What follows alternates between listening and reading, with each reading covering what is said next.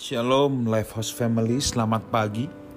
Kolose 2 ayat yang ketujuh berkata, Hendaklah kamu berakar di dalam dia dan dibangun di atas dia, hendaklah kamu bertambah teguh dalam iman yang telah diajarkan kepadamu, dan hendaklah hatimu melimpah dengan syukur.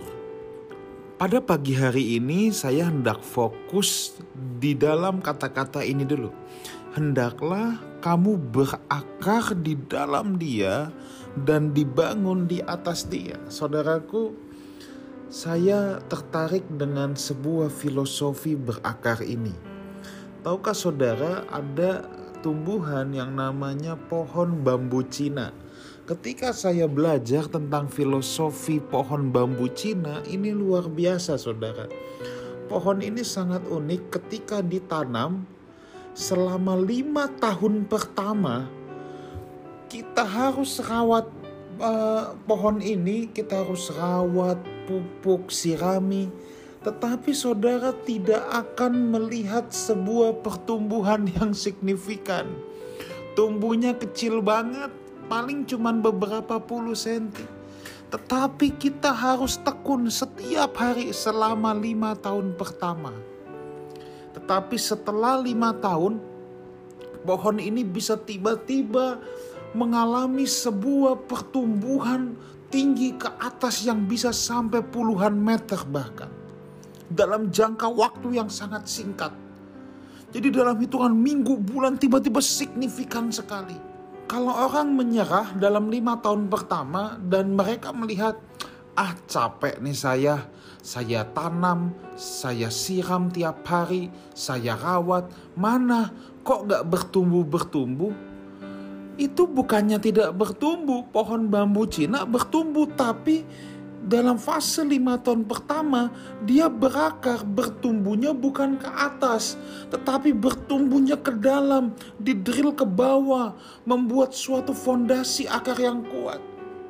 Setelah lima tahun dia baru puluhan meter ke atas dan saat dia tumbuh ke atas dia siap menghadapi angin kencang badai apa pun. Dia bisa mengikuti ke mana arah angin dia tidak takut dengan cuaca yang ekstrim bagaimanapun. Nah, saudaraku, sering kali ke, uh, sering kali kehidupan kekristenan juga seperti filosofi bambu Cina. Ada orang yang berkata, e, Pastor, saya baca Alkitab tiap hari, saya doa tiap hari, kok kelihatannya nggak ada apa-apanya sih? Kok kelihatannya tidak ada perubahan yang signifikan? Saudaraku, jangan menyerah Sebenarnya tanpa kita sadari ketika kita bertekun dalam doa, kita bertekun dalam firman, itu kita sedang menancapkan sebuah akar yang ke dalam. Dan tanpa saudara terasa, ketika kita berakar kuat, maka ketika badai kehidupan datang, pencobaan datang, kita tidak akan tumbang, saudaraku. Ada orang yang tidak tekun ketika dia uh, membaca firman, berdoa dan dia terasa ah ini nggak ada apa-apa, ya langsung aja dia stop.